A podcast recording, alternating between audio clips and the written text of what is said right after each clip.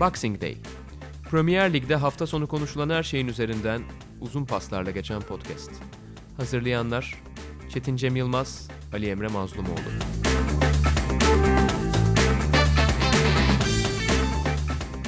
Sokrates Podcast'a hoş geldiniz. Boxing Day programında ben Ali Emre Mazlumoğlu, Çetin Cem Yılmaz'la birlikteyiz yine. Bu hafta tam programımızın ismine uygun olarak Boxing Day'i konuşacağız. 4 hafta boyunca, e, daha doğrusu 4 gün boyunca 20 maç birden oynandı ve bu Twitter'da da sık sık gördük. 1963 mü 67 mi Boxing Day'ine sürekli bir gönderme vardı. Her maçın böyle onarlı, yedişerli gollü bitti. Sen nasıl buldun bu Boxing Day'i?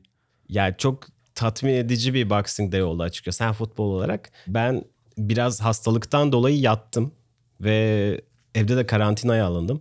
Yani hayatımda, hayatımda demeyeyim de hani uzun zamandır olmadığı kadar futbol dolu bir 3-4 gündü yani. Sürekli gözümü açıyorum maç, gözümü kapatıyorum maç, gözümü açıyorum maç, gözümü Akşam kapatıyorum NBA maç. izliyordun herhalde. Öyle Tweetlerden de bağlanıyordu aynen. Şimdi zaten dünyanın herhalde en iyi, en büyük diyelim iki tane ligi belki de NBA ve Premier Lig. Diğer liglerin çoğu tatile girerken bunlarda e, sürekli Christmas ve Boxing Day'de şey maç pompalandı. İşte Noel günü NBA'de maç vardı. Boxing Day'de Premier Lig, NBA'de zaten devam ediyor falan filan muazzam bir fikstürdü. Premier Lig için zaten anlamı başkadır İngiliz futbolu için. Bizim programımızın ismini seçmemizin sebebi biraz bu Boxing Day kültürü. Bu senede hem üstü hem altı falan bütün maçlarda bir ya bol gol vardı ya hikaye vardı. Özellikle hafta sonu bir de Boxing Day'in devamında bir derbi vardı falan filan. Bayağı güzel bir dop dolu bir e, hafta oldu açıkçası. Evet mesela biz özellikle aralığın sonundan itibaren e, düşme potası biraz belirginleşir diye böyle bir öngörüde bulmuştuk ama Boxing Day'de oynanan maçlarla o onu yendi, o onu yendi falan filan bayağı bir karıştı orası. Şimdi Watford yeni menajeri geldi, kazandı. Southampton kazandı falan. Böyle yani puanlar aldı. Sonra orası bayağı bir değişti. Aston Villa bir kazandı, bir yenildi falan.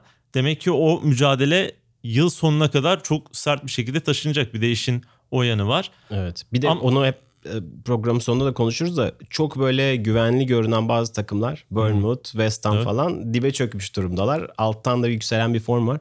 E, Liverpool'un durumuyla sanki oraya daha çok bakacağız diye belki buradan Liverpool'a bağlayabiliriz. Evet yani o düşme hattı biraz daha zaman alacak ama şampiyonluk yarışına baktığımızda Aralık ayı sonunda sanki işler biraz daha netleşmiş gibi Liverpool maç eksiğiyle 13 puan Leicester'a 14 puan City'ye fark atmış durumda.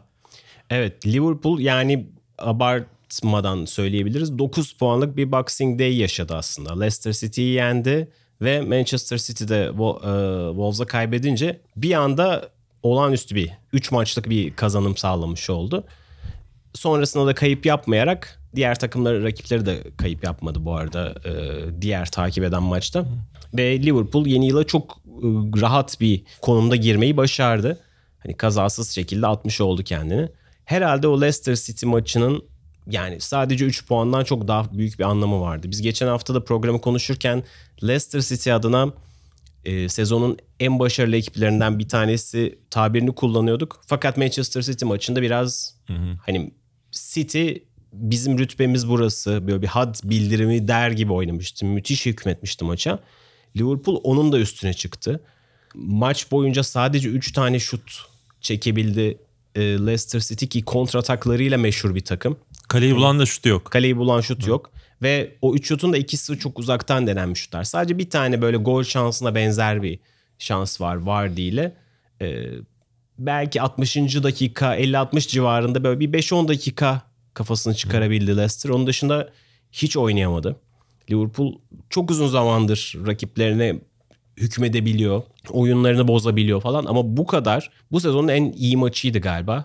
Klopp da zaten benzer bir şey söyledi. Hani bir anda düşünmüş City maçımız iyiydi, Arsenal maçımız iyiydi ama düşününce evet bu senenin en iyi oyunu buydu galiba diyor. Liverpool'un uzun zamandır en azından bu sezon yakaladığı en kusursuz oyundu bu gerçekten. Tüm hatlarıyla muazzam oynadılar. Hani evet Salah'la Mane çok ideal bir gününde değildi falan. Ama bekler muhteşem de Trent Alexander-Arnold zaten herkesin dilinde. Henderson e, son bir ayın muhteşem bir çıkış yapan bir oyuncusu. Çok iyi gidiyor. Firmino aynı şekilde. Evet Firmino öyle.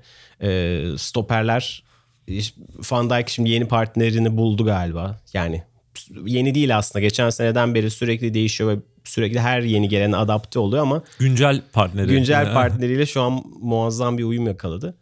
Ve işte hepsinin ötesinde bir gol, iki asist ve bir de penaltı yaptırmayla e, teknik olarak asist saymıyoruz ama fantasy futbolda asist sayılıyor. Dolayısıyla kafalar karışmasın. Maçı iki asistle tamamlamış oldu. Trent Alexander-Arnold takımın e, saha içindeki oyun kurucusu rolünü bir kez daha hatırlatmış oldu. Liverpool adına sadece puan anlamında değil hem mesaj hem moral anlamında çok çok etkileyici bir maçtı. Evet. Ya ben mesela bu şimdi beklerin bu kadar iyi oynadığı Trent Alexander-Arnold'un bu kadar ön plana çıktığı düzende şey soru işareti vardı kafası, kafamda.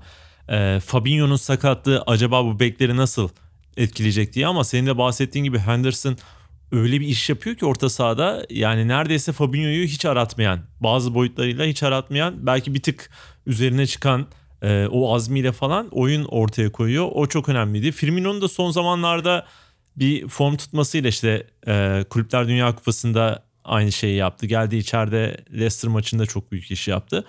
Yani Liverpool'da hakikaten kim oynarsa ilginç olan o. Mesela Joe Gomez'in de performansı çok özel. Yani bir anda geldi sanırım Bournemouth maçıydı. Lovren sakatlıktan sonra sakatlandıktan sonra oyuna dahil. Pardon oyundaydı sağ bekteydi ama Van Dijk'in yanına geçti. Ve oradan beridir biraz da onu da konuşabiliriz. Öyle bir istatistik vardı ki son 7 maçta eee, sadece bir gol yedi Liverpool. Son 4 Premier Lig maçında da hiç gol yemeden eee, tamamlamış oldu bu seriyi. Yani şeyi hatırlarsın bir, bir buçuk ay önce Klopp da buna vurgu yapıyordu. Artık bir clean sheet gerekiyor. Her maçta gol yiyoruz ve zorlanıyoruz falan filan diye. Hakikaten bunu konuştuktan sonra o problemi de bir anda çözmüş oldular. Evet üst üste çok fazla 2-1 bitiyor maç, maçlarımız falan diye konuşulurken burada da yayında da konuşmuştuk. Bir anda Liverpool orayı da çözdü. Ve yani şimdi bunu pek hafife almamak lazım. Çünkü Manchester City'yi neden düşüşteler diye konuşurken haklı olarak sakatlıklarından bahsediyoruz. Liverpool da daha az sakatlık yaşadı tamam ama aslında kritik sakatlıklar da yaşadı. Sezonun başına e, Alisson'u uzun süre kullanamadı. E, Fabinho'yu kullanamıyor şu anda. E, bu oluyor mesela ve bunu aramıyor. Ve e, bunu yaptığı dönem de şöyle ilginç. Yani cumartesi günü tamam diğer rakipleri de cumartesi günü oynadı. Ama Liverpool Katar'da oynadı. Ve bir kupa kazandı. Muhtemelen onun gecesi bir eğlence de olmuştur. Bir rahatlama da olmuştur falan filan. Belki de işte takıma bir izin de verilmiştir ama bir de üzerine yolculuk var. Ve e, Klopp hiç rotasyon yapmıyor. Aynı 11'i sahaya sürüyor ve o, o takım sezonun en iyi oyununu sergiliyor. İki gün sonra da Wolves karşısına gidiyor çık- çıkıyorlar. Sadece bir iki değişik Lalana e, bu sefer sahadaydı. Aynı 11. Bu sefer de e, Wolves gibi ligin diri takımlarından bir tanesini çok zorlansa da yine gol yemeden e, yenmeyi başarıyor. Bu çok çok etkileyici Liverpool adına. E, hem fiziksel güç anlamında hem de mental güç anlamında bence. Ya orada bir e, bu yorgunluk meselesine dair maç sonu e, Clinton Morrison vardı programda ve şöyle dedi. E, yani yorgunluktan ancak kaybettiğiniz zaman bahsedebilirsiniz. Kazanıyorsanız yorgunluk diye bir şey hissetmezsiniz diye eski futbolcu. Yani böyle bir çok güzel bir açılım getirdi oraya. Liverpool'da hani biz bu birkaç programdır konuşuyoruz. Özellikle Kulüpler Dünya Kupası küçümsendiği zaman konuşmuştuk. Abi kazanmak çok önemli bir şey. Yani kazandıkça bütün atmosfer bir anda değişiyor ve bazen çok hani yorgun demeyeyim ama kırgın tam böyle recover olamadığınız dönemde bile çıkıp çok acayip futbol oynama e, mentalitesine sahip olabiliyorsunuz işte kazandıkça. İşte Liverpool bunu inanılmaz yapıyor. Çok acayip bir winner'a dönüştü.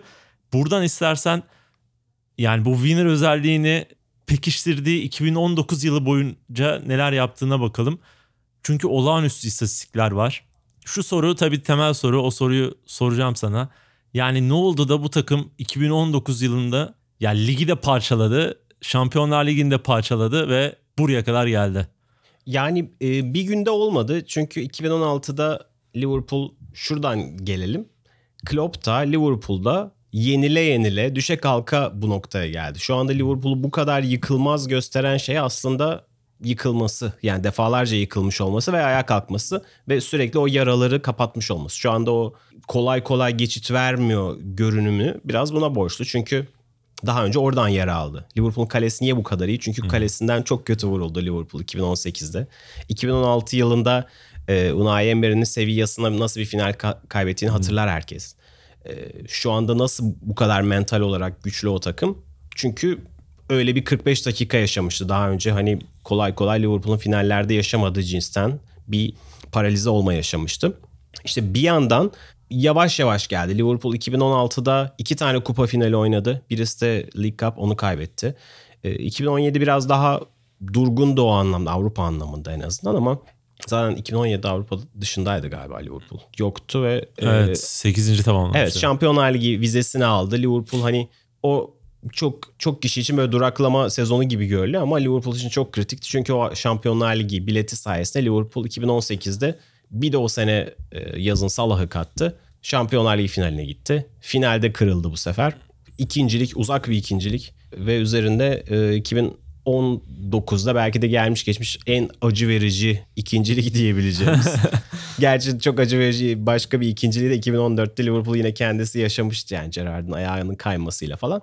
Yani e, yavaş yavaş sürekli yüksele yüksele gelmiş bir e, başarı var. Liverpool 2019'da da şampiyonluk performansı gösterdi. Ama Manchester City ondan daha iyi bir performans gösterdi. Daha da az hata yaptı ve işte 98 puan yaptı. 97 puana ulaştı Liverpool yetmedi. Dolayısıyla biz bu sene nasıl 98 puanı biz kendimiz yaparız ya da 100 puanı yaparız mantığıyla oynadığı için Liverpool şu an orada. Ve tabii ki her takım bunu yapamaz. Liverpool çok çok e, istisnai bir konumda bunu. Premier Lig tarihinin en güçlü performanslarından bir tanesini sergiledi. Eğer bu sürerse hani en iyiler arasında mı diye konuşmaya başlarız. Şu an bunun için erken. Çünkü o Premier Lig e, kupasının kaldırılması gerekiyor eğer gelmiş geçmiş en iyilerle kıyaslanması gerekiyorsa. Fakat ben bunu şöyle görüyorum. Ee, hatta bunu Twitter'da da yazdım. Biraz bazı insanların kafasını karıştırdı. Fakat oyun ve e, diğer rakiplere kurduğu baskı anlamında bence 2010'ları Guardiola'nın Barcelona'sı hmm. açtı. 2010'ları da Liverpool, Klopp'un Liverpool'u kapatıyor diye düşünüyorum.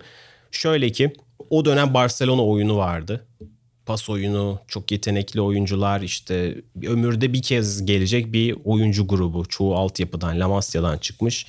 Tek bir e, felsefe etrafında topa sahip olma, pas trafikleri, çok hızlı topu geri kazanma ve tekrar rakibin kalesine çökme. O çok hızlı paslaşmalarla çok şık goller atma.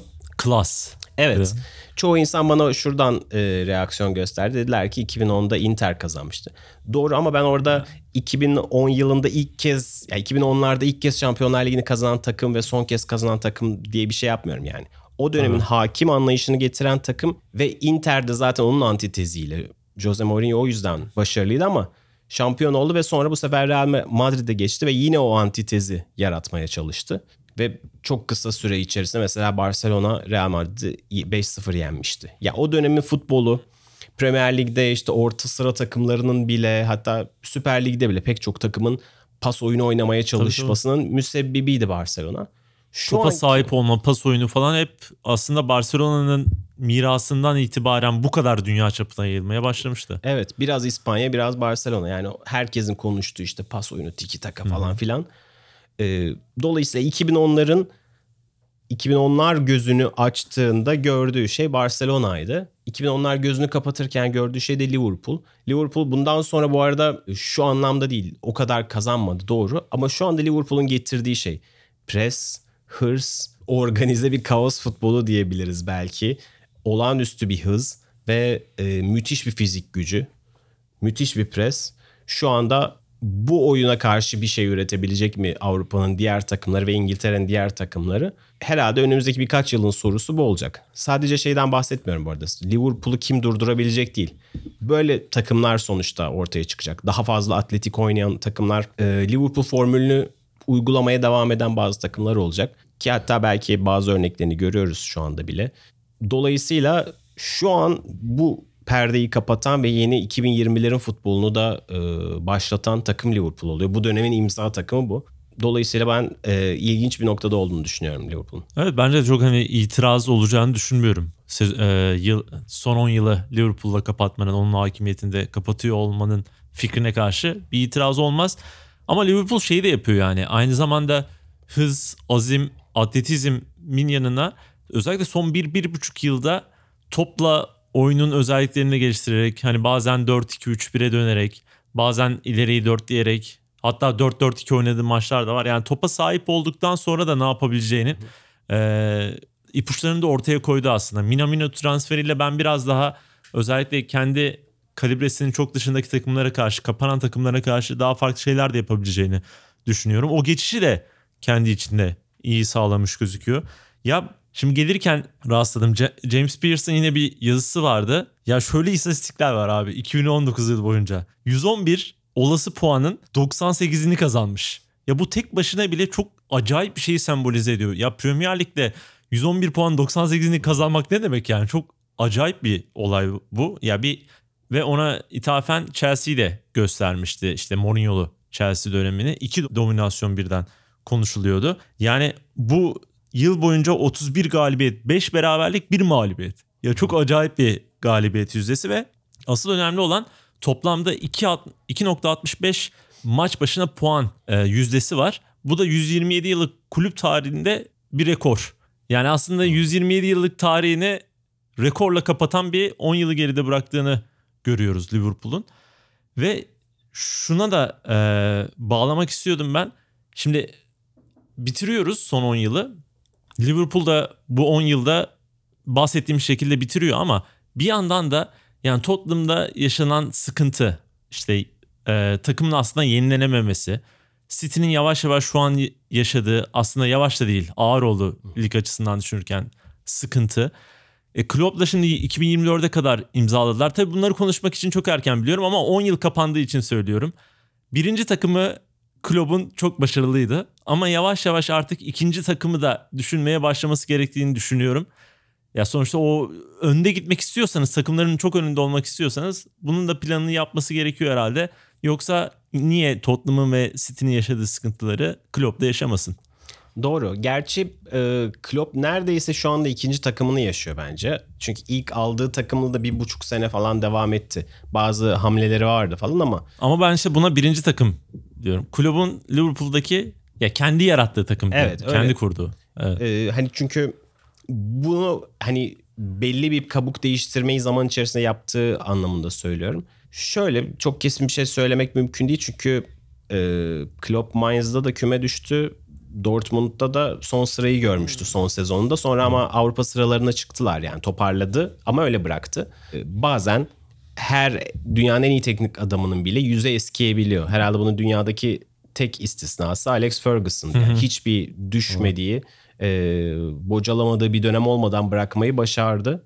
Ve hatta şampiyonlukla da kapattı kariyerini. Aslında aynı Klopp'un şey. da başına gelebilir bu yani şey değil. Tabii. Yani ve şu anda hala aslında erken konuşuyoruz. Klopp bu seneyi de şampiyon bitirmezse bambaşka bir şey konuşacağız yani ama Liverpool'un şu anki formu ve rakipleriyle arasındaki puan farkı bize bunları söyletiyor şu anda.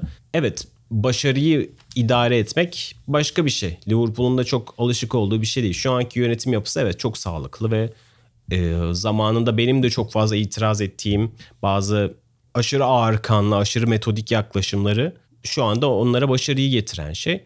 Tottenham'dan şöyle bir farkı olacak bence. Kazanan takımda o parçaları korumak daha kolay. Yani oyuncuların da tamam 2 yıl şampiyon olduktan sonra 3. yıl duvarı her zaman bir gerçektir ve bunu Guardiola da Guardiola Barcelona'daki 3. yılında da yaşamıştı. Buradaki 3. yılında da biraz yaşıyor. Hep anlatılan Mourinho'nun da 3. yıl durumu vardır. Bu sadece hani bu takımlara yönelik değil. Türkiye'deki bazı şampiyonluk senelerinde de hatırlarsınız iki sene şampiyonluk gelir ama üçüncü sene bir çözülme başlar. Çünkü o aynı grubu tekrar aynı metodlarla motive etmek çok kolay değildir. İşte kafalar belki daha fazla Şampiyonlar Ligi'ne gider, başka bir şeyler olur falan filan. Dolayısıyla Liverpool adına o problem olabilir ama önce tabii ilk kupanın kazanılması lazım. O ilk kupa kazanıldıktan sonra ikinci sene çoğu zaman daha rahat gelir. İşte Liverpool adına Klopp eğer ikinci sene diyelim ki şampiyon oldu Liverpool ve hemen düğmeye basıp hafif kabuk değiştirmeye başlamalı mı de- denirse bence değil ama e, ikinci şampiyonluk olursa böyle çok fazla doğmamış çocuğa don bitiyor gibi hissettim kendimi de. Liverpool'un Klopp'un ikinci Liverpool'unu kurması için gereken zaman ve Tottenham'ın şu an olduğu duruma düşmemesi için gereken şey bence önce Liverpool'un kazanması, daha sonra da ikinci kez kazanması, daha sonra da kabuğu oradan sonra değiştirmeye başlaması. Evet orada devreyi yeniden başka şekilde bağlaması gerekiyor ki devre ne deniyor ona kısa devre yapmasın. Şimdi şeyden belki şu Banksy'nin en dominasyon kuran takımından en çok beklenen maça geçelim. Çünkü Arsenal Chelsea arasında oynanacak maçta epey bir heyecan yaratmıştı. İki sebeple iki tane genç teknik direktör, iki kulübün tarihine geçmiş isim karşılaştı. Maça iyi başlayan Arsenal oldu ama orada ufak bir küçük bir değişim Lampard'ın gösterdiği bütün maçın kaderini değiştirdi ve Chelsea 2-1 kazandı. Evet. ilk maçta da e, Arteta'nın ilk maçında da Bournemouth maçında yine bir savunma hatasıyla çıkarken kaptırılan bir topla geri düşmüşlerdi ama bir şekilde takım mücadele ederek puan almıştı. Dolayısıyla pozitif sinyaller vardı o maçta. Bu sefer de oldukça pozitif başladı Arsenal. İlk 20 dakika 30 dakika gerçekten çok iyi oynadı. Çoğu kişi e, hemen Twitter'a sarılıp Mesut Özil'in ne kadar iyi olduğunu, Emer'in ona nasıl haksızlık ettiğini falan filan yazmaya başladı. Ama 30. dakikadan sonra e, yavaş yavaş tempo düştü. Bildiğimiz Arsenal'e geri dönüldü. Biraz bunun sebebi de e, Frank Lampard'ın gerçekten çok cesur hamlesiydi. Hani o Abi, dakikadan bu arada sonra... çok güzel bir anekdot var. O ilk 30 dakikaya dair bir şey eklemek istiyorum. Ee, George Graham vardı maçı izleyen. Görmüşsündür tribünlerde. O da şeyle bilinirdi ya 89 yanılmıyorsam Arsenal'ın son şampiyon yaptığı sene Graham'ın şampiyon yaptığı sene 89. Orada da abi takım böyle iyi oynamaz da ama 1-0 2-1 falan kazanırdı. Oku, ya bir dönem bir okuma yapmıştım o takıma dair ve orada da duran toplar çok meşhur da o takımın. Onun izlediği maçtan da top duran toptan gol gelince herhalde çok böyle bir vay be tam tarihe gitti falan bir durum yaşamıştır. Çok eğlenceliydi o yanı. Zaten o boring Arsenal şeyi Evet. onun döneminden çıkıyor. Çoğu e, dinleyicimiz belki yani çoğu biz de hatta yani gözümüzü neredeyse Arsene Wenger'le açtığımız için Ar- Arsenal böyle çok elegan bir takım olarak bilinir. Ama bir kuşak üst için Arsenal çok sıkıcı böyle hani böyle insanı bayıp 1-0 kazanan takım. 2004 yani. Yunanistan Evet. belki. Aynen, gerçekten oymuş yani bir üst kuşak için. Evet acaba öyle mi gidiyor denirken belki de oraya doğru gidecekleri bir durumda hani iki bireysel hatayla 10 dakika içerisinde maçı verdiler. Eğer e, genel olarak bakarsak büyük resme bakarsak ama detaylara bakarsak Frank Lampard e, çok etkileyici birkaç dokunuş yaptı. Yani dizilişi değiştirdi. Çok erken değiştirdi. Yarım saatten sonra. E, daha sonra maçın sonlarında Tarık Lamptey'i aldı. Hudson Adoy'u aldı. E, bu sene kullandığı 7. 20 yaş altı oyuncu olmuş galiba Lamptey. İnanılmaz bir sayı. Yani çok kısa bir süre içerisinde bu kadar fazla bir e, 21 ya da 20 öyle bir sayıydı işte. Çok kısa süre içerisinde gençlere şans vermesi, takımı ile böyle oynayabilmesi falan çok etkileyici. Gerçekten maçı aldı. Birkaç tane söylenebilecek şey var işte. Jorginho kart görebilir miydi? Leno hatayı yapmasaydı falan. Biraz şans yüzlerine güldü. Arsenal için de şanssızlık oldu. Doğru. Ama Arsenal adına klasik Arsenal'liklerde devam ediyor yani. Bireysel hatalar. Takım iyi giderken bile işte Leno'nun hatası, Mustafi'nin e, hatası. Aslında genel olarak o kontradan dönüşte bir genel bir toplu bir dağılma var yani. Ve aynı zamanda hani 25. dakikadan sonra falan tamamen takımın durması, ikinci yarı hiçbir şey üretememesi. Bunlar e, biraz Arsenal'likler ve birazcık da Arteta adına ikinci devre buna tedbir alamamış olması. Sonuçta dizilişi erken değiştiriyor Frank Lampard. E, üçlüden dörtlüye döndükten sonra bir 15 dakika bunu görebilecek vakti var. Devre arasında acaba başka bir şey alamaz mıydı? Başka bir şeyler düşünemez miydi? Hani mesela Nelson, Pepe gibi bir değişikliğin 80'de yapılmasının acaba anlamı neydi falan. Yani bu değişiklik ya daha önce yapılabilir ya da ya- yapılmaz yani. Neden 80. dakika beklenir ki o değişikliğin yapılması için falan. Ya da abi yani Jorginho 34'ten itibaren o kadar rahat oynadı ki yani o kadar hükmetti ki Evet. maça. Jorginho'yu durduracak bir hamle yapayım falan yani hiçbir şey yapmadı. Yani düşündüğünde mesela bu iki haftayı Arteta'nın performansı tatmin etti mi seni? Yoksa çok mu erken? Ya biraz erken ama çok böyle bir dokunuşta göremedik ama yani dokunuşu görmek için de belki erkendir. Bilmiyorum yani çok aşırı acımasız da davranmak istemiyorum. Çünkü kendisinin illa katacağı bir şeyler vardır. Ve hani birazcık Arsenal'in e, ileri çıkışlarında, savunmadan topla çıkışlarında falan birazcık daha eli yüzü düzgün dönemler gördük. Yani maç içindeki dönemlerden bahsediyorum. Her iki maçta da. Ama her iki maçın da yine böyle büyük büyük 20-30 dakikalık kesitleri var ki yine Emery Arsenal'i gibi. Yani dolayısıyla e, çok ciddi bir hani sarsılmış görünmüyor. Şimdi şunu söyleyeyim bu arada. Yani şeytanın avukatlığını değil tam tersini yapayım. Yani e, hırsızın hiçbir suçu yok gibi olacak.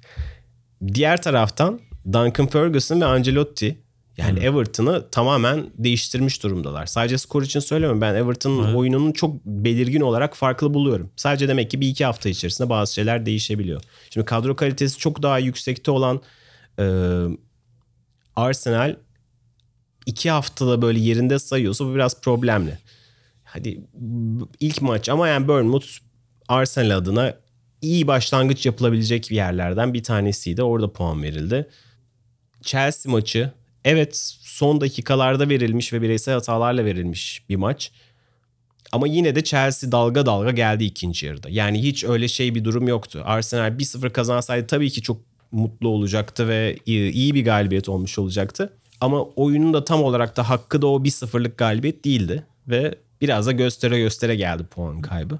Hani 1-1 belki biraz daha hakkaniyetli olacaktı. 2-1 biraz daha ağır oldu ama belki de şu anda Arsenal için göz boyama değil de birazcık daha dibe vuruş daha isabetli olacaktır. Hani hem Arteta için hem de taraftarlar için. Hani o önlemleri daha sert almasına yardımcı olacaktır. Evet son 15 maçta sadece bir galibiyet var. Bir sonraki Epey maçta da galiba United'la oynuyorlar. Bir de hani United'da çıkıştı. Şu an bir zor maç daha geldi yani. Epey zor gözüküyor Arteta'nın işi. Sen hani geçen programda demiştin bence çok doğru bir şey. Zaten Arteta'dan şu sezon kimsenin beklentisi yok ama yani şu arayı da yıpranmadan atlatması çok önemli bence. Yani bu sürekli böyle yenilgiler puan kaybı gelirse bir yandan da olmuyor mu Arteta'da mı olmayacak diye tartışmanın büyümesi normal. O yüzden hani puan alarak kazanarak gitmesi her maçı değil ama özellikle iyi oyun göstermesi falan önemli şeyler. Bunlar olmayınca tabii sıkıntı da büyüyebilir. Oradan City'ye geçelim. O da bir sıkıntılı maç oynadı. Wolverhampton'a 3-2 kaybetti. Sonra da Sheffield United'ı 2-0 yendi. O maçta da zorlandı. Ama e, kilidi bir şekilde çözmeyi başardı. Ama ilk maça dönersek mesela Ederson'un 12. dakikada kırmızı kart görmesi. Orada bir dağılma hali falan epey bir yine kötü duruma düşürdü City'yi. Evet yani tabii biraz e, o da istisnai koşullarda oynanmış maç. Çok erken e, kalecilerini kaybettiler ve yani Ederson da böyle herhangi bir kaleci değil. Yani gerçi Bravo'yu da 3 sezon önce Joe Hart'ı gönderip yani Joe Hart'ı kenara çekip özellikle getirmişti yani e, Guardiola. Hani biraz daha ayağı düzgün falan filan diye. Ama o da olmuyor ve Tabii ki tek suçlu o değil. Sonuçta Wolves gibi bir takıma karşı 80 dakika 10 kişi oynamak çok kolay değil. Ama 2-0'ı koruyamamaları, e, bir anda arka arkaya iki gol yemeleri falan çok böyle iyi sinyaller değildi. Ben o gün özelinde yani Guardiola'nın da rakibi çok fazla hafife aldığını düşünüyorum. Böyle ilk senesinde çok fazla yapılan bir eleştiriydi. Sonra e, Guardiola iki, sonraki iki sene neredeyse çıktığı bütün maçları kazanarak bu eleştiriyi biraz haksız çıkardı. Doğru. Ee, hani çünkü İngiltere dışından gelenlere şey eleştirisi vardı ya, ya burası başka yere benzemez. City deplasmanı falan filan diye. Şimdi Guardiola'nın bazen belki genel olarak çok fazla dominant bir takımla oynamaya alıştığı için, takımlarla oynamaya alıştığı için ve çoğu zaman şimdi B planı yok demeye getireceğim yani böyle çok belki tem- tembel bir yorum olacak ama gerçekten bu tip durumlarda nasıl reaksiyon verdiğini çok hatırlamıyoruz. Dolayısıyla belki de takımına uzun süre güvenmedi. Çünkü 45. dakikada Mahrez'i aldı. 52. mi 53. dakikada bu sefer 57. dakikada belki de Kevin De Bruyne aldı. Ve Bir sahada- üçlüye döndü. İkinci yarı Evet. üçlü savunmayla başladı. Eric Garcia'nın. Evet önce tutmaya çalıştı. Hani onu anlayabilirim. Zaten ilk başta Agüero'yu da çıkartmıştı. E, bütün silahlarını çıkartıp sadece Raheem Sterling'i bıraktı. Şimdi Raheem Sterling'e de bu kadar fazla güveni de ben anlamıyorum yani. Tabii ki kaliteli bir oyuncu. Kaliteli yani son iki senedir de çok daha üst seviyeye çıktığını da biliyoruz. Ama 10 kişi kalmış ve skoru korumaya çalışan bir takımda e, sahada kalması gereken herhalde o top tutma kalitesiyle Kevin De Bruyne olurdu. En azından 75'lere kadar falan tutardı diye düşünüyorum. Ben işte 50'lerde çıkartmasını hiç kabul edemiyorum yani anlayamıyorum. Ne geçiyordu kafasından? İşte hani bir sonraki maçı saklamış olabilir falan filan ama o maçı kaybettikten sonra bir maç sonraki maçın Ya çok da bir önemi kalmıyor. kalmıyor yani. Açıkçası yani elleriyle verdi falan demek biraz Wolves'a da hakaret olur ama haksızlık olur. Ama kesinlikle çok önemli bir avantajı e, o Kevin De Bruyne değişikliğiyle ittiğini söylemem gerekiyor. Wolves tarafından biraz bakalım. Traore'nin çok acayip performansı vardı. Jimenez'in e, yine Gerçi bu oyuncular niye Liverpool maçında yedek oturdu onu da anlamış değilim ama City maçında ikisi de gerçekten çok acayip performans gösterdi ve e, ya ne olursa olsun City 10 kişide kalmasına rağmen o maçta çok iyi sinyaller verdi. Zaten sezon boyunca iyi işler yapıyorlar ve o maçı da kazanmayı başardılar. E, Liverpool deplasmanında yine Liverpool'a zor anlar yaşattılar. Liverpool için güle oynaya kazandığı bir maç olmadı. Yani son dakikaya kadar acaba puan mı kaybedecek falan diye hep böyle düşüncelerle girilen bir maç oldu. Ve e, sonuçta baktığımızda çok iyi bir sezonu geçiriyorlar. Bu arada Liverpool maçına dair de bayağı VAR tartışması dolayısıyla maç sonu epey bir öfkeliydi. E, teknik direktörü Wolves'un. Yani sen orada onları nasıl görüyorsun? Ligde geride kalan bu dönemde toplu bir değerlendirirsen Wolverhampton nereye oturuyor senin kafanda? Yani Wolves geçen sene de bu Big Six'in arkasından gelen ilk takım gibi görünüyordu. Şu anda Big Six'in şey olmasıyla beraber, sarsılmasıyla beraber ciddi bir Şampiyonlar Ligi yarışı içerisinde görünüyorlar şu anda. Belki oraya tabii ki ekstradan Leicester City geldi. Geçen seneye göre daha iyi performans sergiledikleri için e, biraz planlarımızı, öngörülerimizi e, şaşırtmış olabilirler. Ama Wolves hem kadro kalitesi hem de hocasının varlığıyla gerçekten Premier Lig'deki en e, zor takımlardan bir tanesi. Ve bu sene hani Avrupa Ligi'nin de favorilerinden bir tanesi bence. Çünkü orayı da ciddiye alıyorlar, şey yapmıyorlar. Çok böyle e, sallamıyorlar. Çoğu İngiliz takımı orayı şey yapar ya ikinci plana Evet. atar falan. Herhalde Portekizli hoca olmanın avantajı burada. Orayı gerçekten hakkını vererek oynatıyor yani. Şimdi gerçi böyle biraz ezberden konuşmuşum gibi oldu. Geçen sene İngiliz takımları final oynadı Avrupa Ligi'nde ama yine de çoğu zaman e, yedek kadroları falan filan esirgemezler yani. E, bu sene açıkçası Avrupa Ligi finali oynarlarsa dediğim gibi şaşırmayacağım.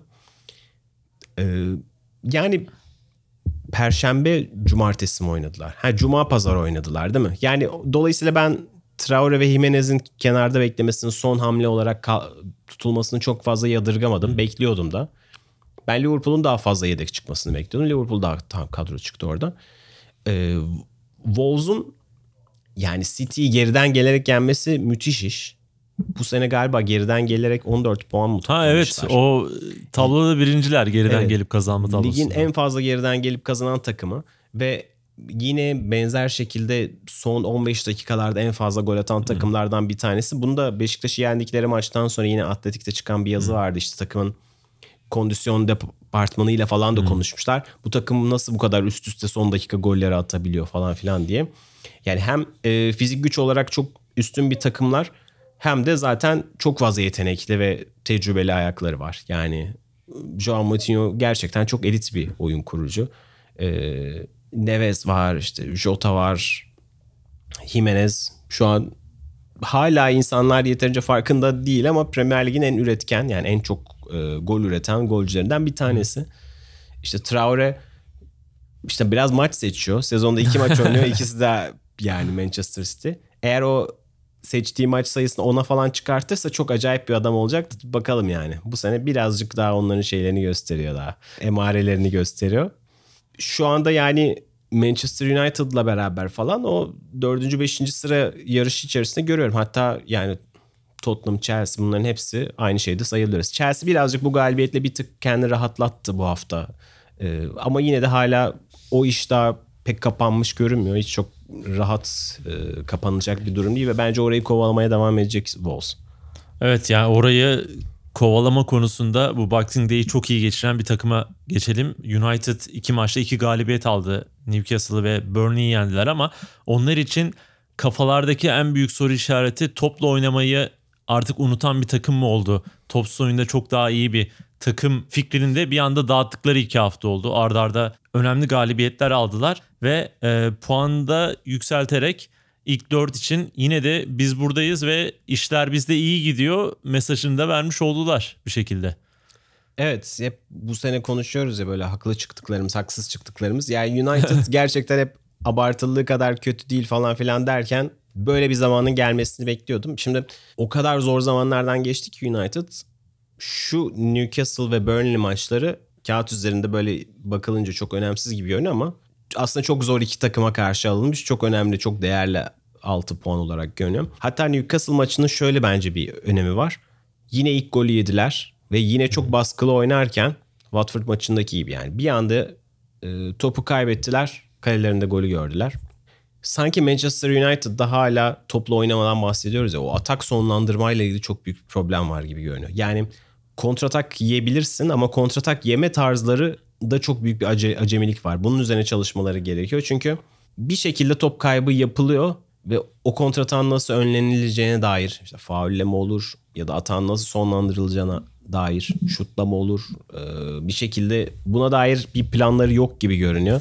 Daha doğrusu tam işlemiyor gibi görünüyor. Ve çok kolay bir şekilde Newcastle'dan golü yediler. Ama bu sefer çok iyi cevap verdiler.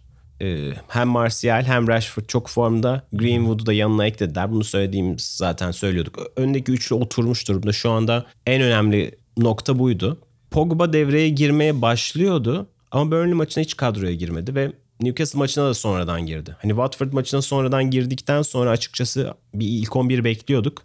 İki maçta yine yarım saat kadar oynadı. Burnley'de hiç oynamadı. Acaba yani Ocak ayına mı saklanıyor diye düşünmeye başladım ben tekrar. Hani bir Ocak ayında bir pazarda alıcı mı arayacaklar kendisine o yüzden sakatlanmasını istemediler mi diye düşünüyorum. Diğer taraftan kalırsa ki kalması lazım çünkü United'ın oralara bir oyuncu ihtiyacı var. Ama şey yani United'ın kesinlikle şeyi e, Ocak ayındaki transferleri çok belirleyici olacak. Herkes bunu konuşuyor. E, önemli bir transfer zaten herkesin çok United'a yazdığı Haaland e, Dortmund'a gitti. Bu bir anlamda bence çok problem değil. Çünkü United'ın asıl ihtiyacı olan nokta o değildi. Tabii e, çok genç bir oyuncu. E, Martial ve Martial'i bu sefer Kanada göndereceklerdi belki. Rashford'la şu güzel bir uyum yakalamışken yeni bir kimya arayacaklardı falan filan. Ama tabii ki önümüzdeki 10 yılın belki yıldızlarından bir tanesi. Hani hayır denmez falan. Ama çok böyle ağlanıp sızlanacak bir durum şu an için yok. Ama böyle hani bir sol bek bir de orta sahaya bir oyuncu United için asıl ihtiyaç gibi görünüyor. Eğer bunları çözerse United bence sezonu herkesin tahmin ettiğinden daha iyi bitirebilirler. Evet işte bu toplu oyun meselesi yani şu gösterdikleri seviye bence iyiydi yani. Özellikle bu eleştirileri hani kafadan silme açısından. Çünkü takım içinde de oluşuyor sonuçta böyle düşünceler. Bunu göstermesi açısından iyiydi. Bir yandan da Pogba konusu hakikaten önemli. Pogba Newcastle maçında oyuna girdikten sonra ikinci yarıda yani Manchester United'ın çok acayip istatistikleri ortaya çıktı. Yani %76 ile toplu oynama, %91 pas isabeti falan. Zaten böyle Pogba'nın kendini derine çekip maçı izleyenler hatırlayacak. Derinde sürekli sağa sola top dağıtan çok güzel orada ara ara güzel kilit paslar yapan bir karakteri vardı. Çok beğendim oradaki ben oyununu. Bournemouth maçına ilişkin de şey Bournemouth diyorum. Burnley maçına ilişkin de hani acaba Arsenal maçına mı tam olarak saklıyorlar gibi bir düşünce vardı. Kimse anlamadı niye kadroda olmadığını. O bir soru işareti ama belki de onu düşünüyor. Arsenal maçıyla 90 dakika oynatmayı planlıyor olabilir. Ama Pogba her şekilde bu takımın bence toplu oyunda çok önemli bir parçası olacak. Bir şekilde bu takımın 11'i haline getirilip özellikle böyle maçları kolay aşmanın yolunu bulması gerekiyor Solskjaer'in. O anlamda da güzel cevaplar verdiler. Haaland'a dair bir tane çok kızgın olduğum için bir şey söyleyeceğim. Abi bu nedir? Yani kendisine 20 milyon euro ödeniyor oyuncunun. Zaten serbest kalma bedeli bu. 15 milyon euro da menajerine ödeniyor. Artı 10 milyon da ailesine ödeniyor. Böyle bir transfer şekli mi var ya? Yani bir de şöyle bir şey var abi. Manchester United bu ve dünyada oynayabileceğiniz sayılı statlardan biri Old Trafford.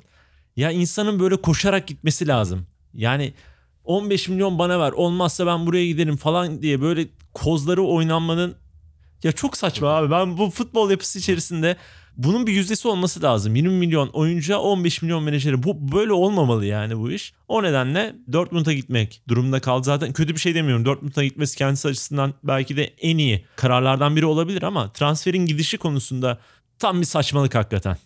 Öyle düşünüyorum. O anlamda United'ın resti çekmesi de mantıklı.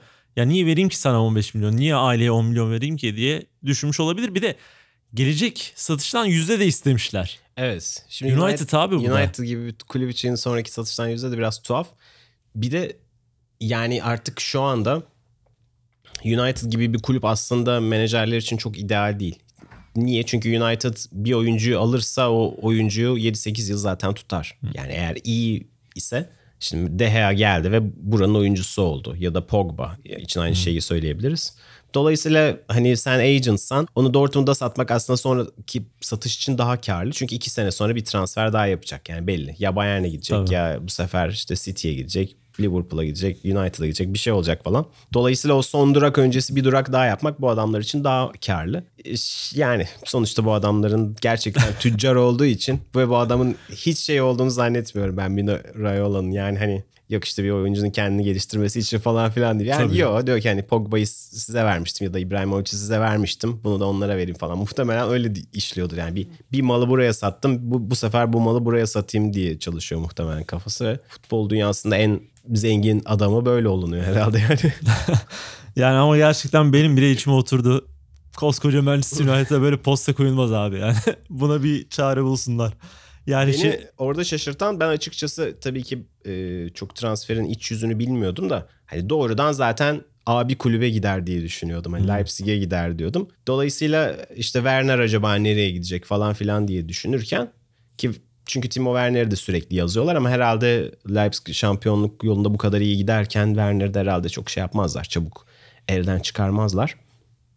Çünkü Chelsea falan filan böyle onlar da ona niyetli yani bir yandan. Bunu beklerken Dortmund'a gitmesi sürpriz oldu. Ama oyuncu açısından tabii ki en e, heyecan verici nokta orası oldu. Çünkü her zaman genç oyuncunun yetişmesi için uygun koşullardır ya. Dolayısıyla e, beni yani ben dediğim gibi en çok Leipzig bekliyordum ama ona, ona şaşırdım yani.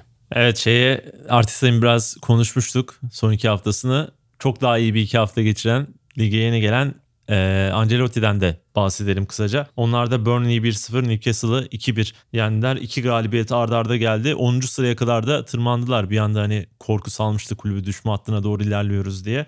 Birkaç puan vardı ama Ancelotti sonrası Duncan Ferguson ve Ancelotti ile birlikte iyi bir gidişat tuttular ama bu Ancelotti'ye tabii yoğunlaşalım. Bu iki haftada nasıl mesaj aldın? İlerisi için neler söylüyor sana bu iki hafta? İki hafta değil tabii iki maç. İki maç. Yani şöyle biraz takımla ilgili ilginç deneyler yaptı Ancelotti ve bunların hepsi de iyi kötü sonuç verdi. Bu pozitif bir şey hoca adına kendi düşündüklerinden reaksiyon al- alabilmesi kadrodan.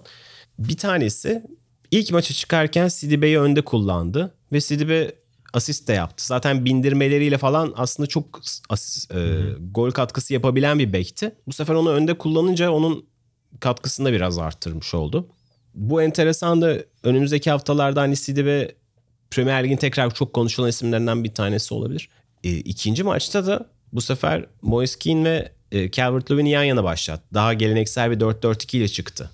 Yani iki günde iki farklı dizilişle oynadı ve e, geriden gelmesine karşın geri, Newcastle maçında geriden geldiler değil mi? 1-0 sanki öne geçti diye hatırlıyorum. 1-0-1-1 pardon evet doğru. İlk golü yine kendileri atlar. Ee, deplasmanda olmasına karşın yakalanlar tekrar ittiler. Calvert-Lewin beni çok şaşırtıyor. Yani müthiş bir şey yakalamış durumda. Sene başında en ağır gömdüğüm oyunculardan bir tanesiydi. Asla olmaz falan filan derken fena halde e, yüzümü kara çıkartıyor. hem fizik gücüyle hem de şimdi bitiriciliğiyle falan direkt Everton'ın şu anki çıkışındaki birinci pay sahibi oldu. Ve hani hep konuştuğumuz diğer forvetler için de bayağı kötü haber oldu. Şimdi Moise Keane de yine 60-65 dakika oynadı ama çok çok da oyunun içerisinde değildi. Şu anda bu takımın birinci forveti Calvert-Lewin olacak gibi görünüyor. Ve şu anlamda da ellerini rahatlattı bence.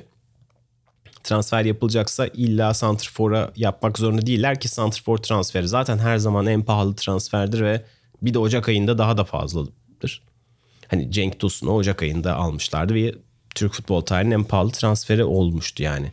Dolayısıyla e, şu anda yine bir 25, 30, 40 falan filanlara çıkmaktan kurtarmış oldu Calvert-Lewin bu formuyla. Pozitif görünüyor açıkçası. Yani hem puan olarak kendilerini o korkulu yerden atmış oldular. Hem de önce Duncan Ferguson'a sonra da Ancelotti ile bir kazanma alışkanlığı yakaladılar. Şu anda ligin en pozitif takımlarından bir tanesi Everton. Aynen öyle. Bir de biz bahsetmiştik. Yani Ancelotti'nin özellikle elindeki en iyi oyuncuları bir şekilde formül bulup sahaya koyabilmesiyle zaten ünlü bir oyuncu. Değişik dizilimler yapabilmesi. Yani mesela ilk maçta Sigurdsson, Bernard, Richarlison, e, Calvert-Lewin'i beraber sahaya koyacak. 3-5-2 gibi biraz ona benzeyen e, bir kadro ortaya çıkarttı ki Everton hiç denemediği bir şeydi. E, ikinci maç bana çok ilginç geldi. Çünkü abi orta saha dörtlüsü Richarlison, Tom Davis, Sigurdsson, Walcott. İleride de Calvert-Lewin ile Moise Keane. Yani bu nasıl bir kadro falan diye maç öncesi baktığımda şaşırmıştım. Acaba hani Newcastle zaten hiç topla oynamaya niyeti yok. Biz çıkalım çok kapanacak çare bulalım açısından mı onu düşürmüş? Çünkü baktığında abi orta sahaya direnç getirecek adam yok yani kağıt üzerinde. Ama o maçta bir şekilde çıkmayı başardı. Bence biraz şans oldu o maçtan çıkması. Çünkü Newcastle'ın da ilk kez 20 şut bulduğu falan bir maç oldu. Ama biraz şansın yardımı, biraz da hakikaten Ancelotti'nin o hani karizmasının kulübe gelmesi, bir çözümler bulması, diziliş değiştirmesi falan Everton'ı bu iki haftada, iki maçta daha doğrusu 6 puan etti ve ilerisi için de güzel umut vermiş oldu. Bir de hemen gelir gelmez biz geçen hafta konuşmuştuk. Everton'ın maç öncesi Liverpool'da hani kamp yapma özelliği varmış. Bir gece önceden beraber e, otelde kalıyorlarmış. Hemen ona son vermiş. Gidin istediğiniz yerde takılın diye. tam Ancelotti var bir hareket. O şeyde hissettirmeye başlamış. E, Ancelotti'yi de tam konuşmuşken ligin en yeni menajerine de ufacık bir e, bakış yapalım. David Moyes yine West Ham'ın başına geldi. Çok büyük krizdeler. Yani buradan takımı toparlaması çok zor olacak. Sence takımı ya bu soruyu sorayım ya ligde tur tutmayı başarabilir mi? Ya başarabilir ama David Moyes çok çok üstad olduğu için başa başarabilir değil de yani bu kadro iyi bir kadro. Yani bu kadronun oynaması gerekiyor ve ilk haftalardan beri oynaması gereken futbolu oynayamıyor. İlk haftalar işte ilk 6 hafta sonunda evet. biz bu takımı tepede görüyorduk. İlk 6 adaylarından bir tanesi falan diyorduk yani böyle. Ve aradan geçen işte üst üste kaç son 10 maçın 8'ini falan kaybettiler. İç sahada zaten sürekli yeniliyorlar falan korkunç bir form durumları var ve hani Pellegrini bu seviye için aslında çok çok ideal bir hoca. Yani şampiyonlukları var. Real Madrid'le e, muhteşem bir sezon yaşayıp ikinci olmuşluğu var falan filan. Yani aslında e, bu grubun altından kalkamayacak bir hoca değil ama işte bazen olmuyor ve hani hak etmişti çoktan kovulmayı Hı-hı. yani. West Ham yönetimi de biraz e, bayağı da sabır gösterdi muhtemelen isminden dolayı çevirebileceğine inandı ama olmadı. Ama ben David Moyes ya böyle bir şey bekliyordum bu arada. Çünkü biraz Türkiye gibi düşünebilirsiniz. Her zaman böyle bir tane havalı bir hocaya gidilen ve başarısız olunan yerde hmm. olmadı. Biz yine ligi bilen hocaya dönelim muhabbeti oluyor. İşte Watford bir örneği bunun. Watford iki tane İspanyol hoca, iki tane geçmişte de çalıştı. En son evet. işte Flores'de gönderdikten sonra Nigel Pearson'a döndü. Ee, West Ham'dan da tam bunu bekliyordum. Dedim ki bu adamlar bir tane böyle balta bir Premier Lig hocası bulacaklar. Eski toprak falan. David Moyes geldi. Yani böyle çünkü şu anda aradıkları kan o yani. Ligi bilsin, 4-4-2'yi oynatsın. İşte bizi Burnley gibi oynatsın. Şu şeyden bataklıktan çıkarsın diye. Ya bazen de işe yarayan sonuç bu oluyor. Belki de çok daha direkt bir futbol oynayacak. Şimdi çok da güzel şey pivot, santrfor hmm. oynayabilecek Sebastian Halle'leri var. Belki şişirecekler sağlı sollu işte. Ee, Antonio'yu da belki yanlarına koyacaklar. İkiz kuleler yapacaklar. Bilemiyorum ama yani belki de işte Route One futbol denen hani birinci hmm. şeye en e, back to basics yapıp çok İngilizce konuştum iki tabiri de Türkçesini bulamadım e, öze dönüş yapıp öze. en basit haliyle futbol oynayıp kurtulmaya çalışacaklar. Sanki plan bu. Ama her halükarda bir buçuk sene imzalamışlar. Ben e, bu kadar para dökülen Premier Lig'in en pahalı kadrolarından bir tanesi. Top 6'i saymazsak. Bu kadar para dökülen bir projenin hala ne istediğini bilememesi tuhaf geliyor bana. Yani şimdi David Moyes'tan istenen nedir? Tamam bu sene ligde tutacak. Seneye ne isteyecekler bu adamdan? Çünkü bu kadar para dökülen bir kadronun aslında şu anda Avrupa kovalıyor olması lazım. David Moyes onu yapabilecek bir insan mı? Hiç zannetmiyorum. Evet Boxing Day'de bu programda İngiltere Premier Lig'in Boxing Day'ini konuşmuş olduk. Güzel bize konular bıraktı ve daha da önemlisi gelecek haftalara dair güzel heyecanlar bıraktı bu Boxing Day haftası. Biz yine haftaya burada Premier Lig'in öne çıkan konularıyla birlikte olacağız. Şimdilik hoşçakalın. Hoşçakalın.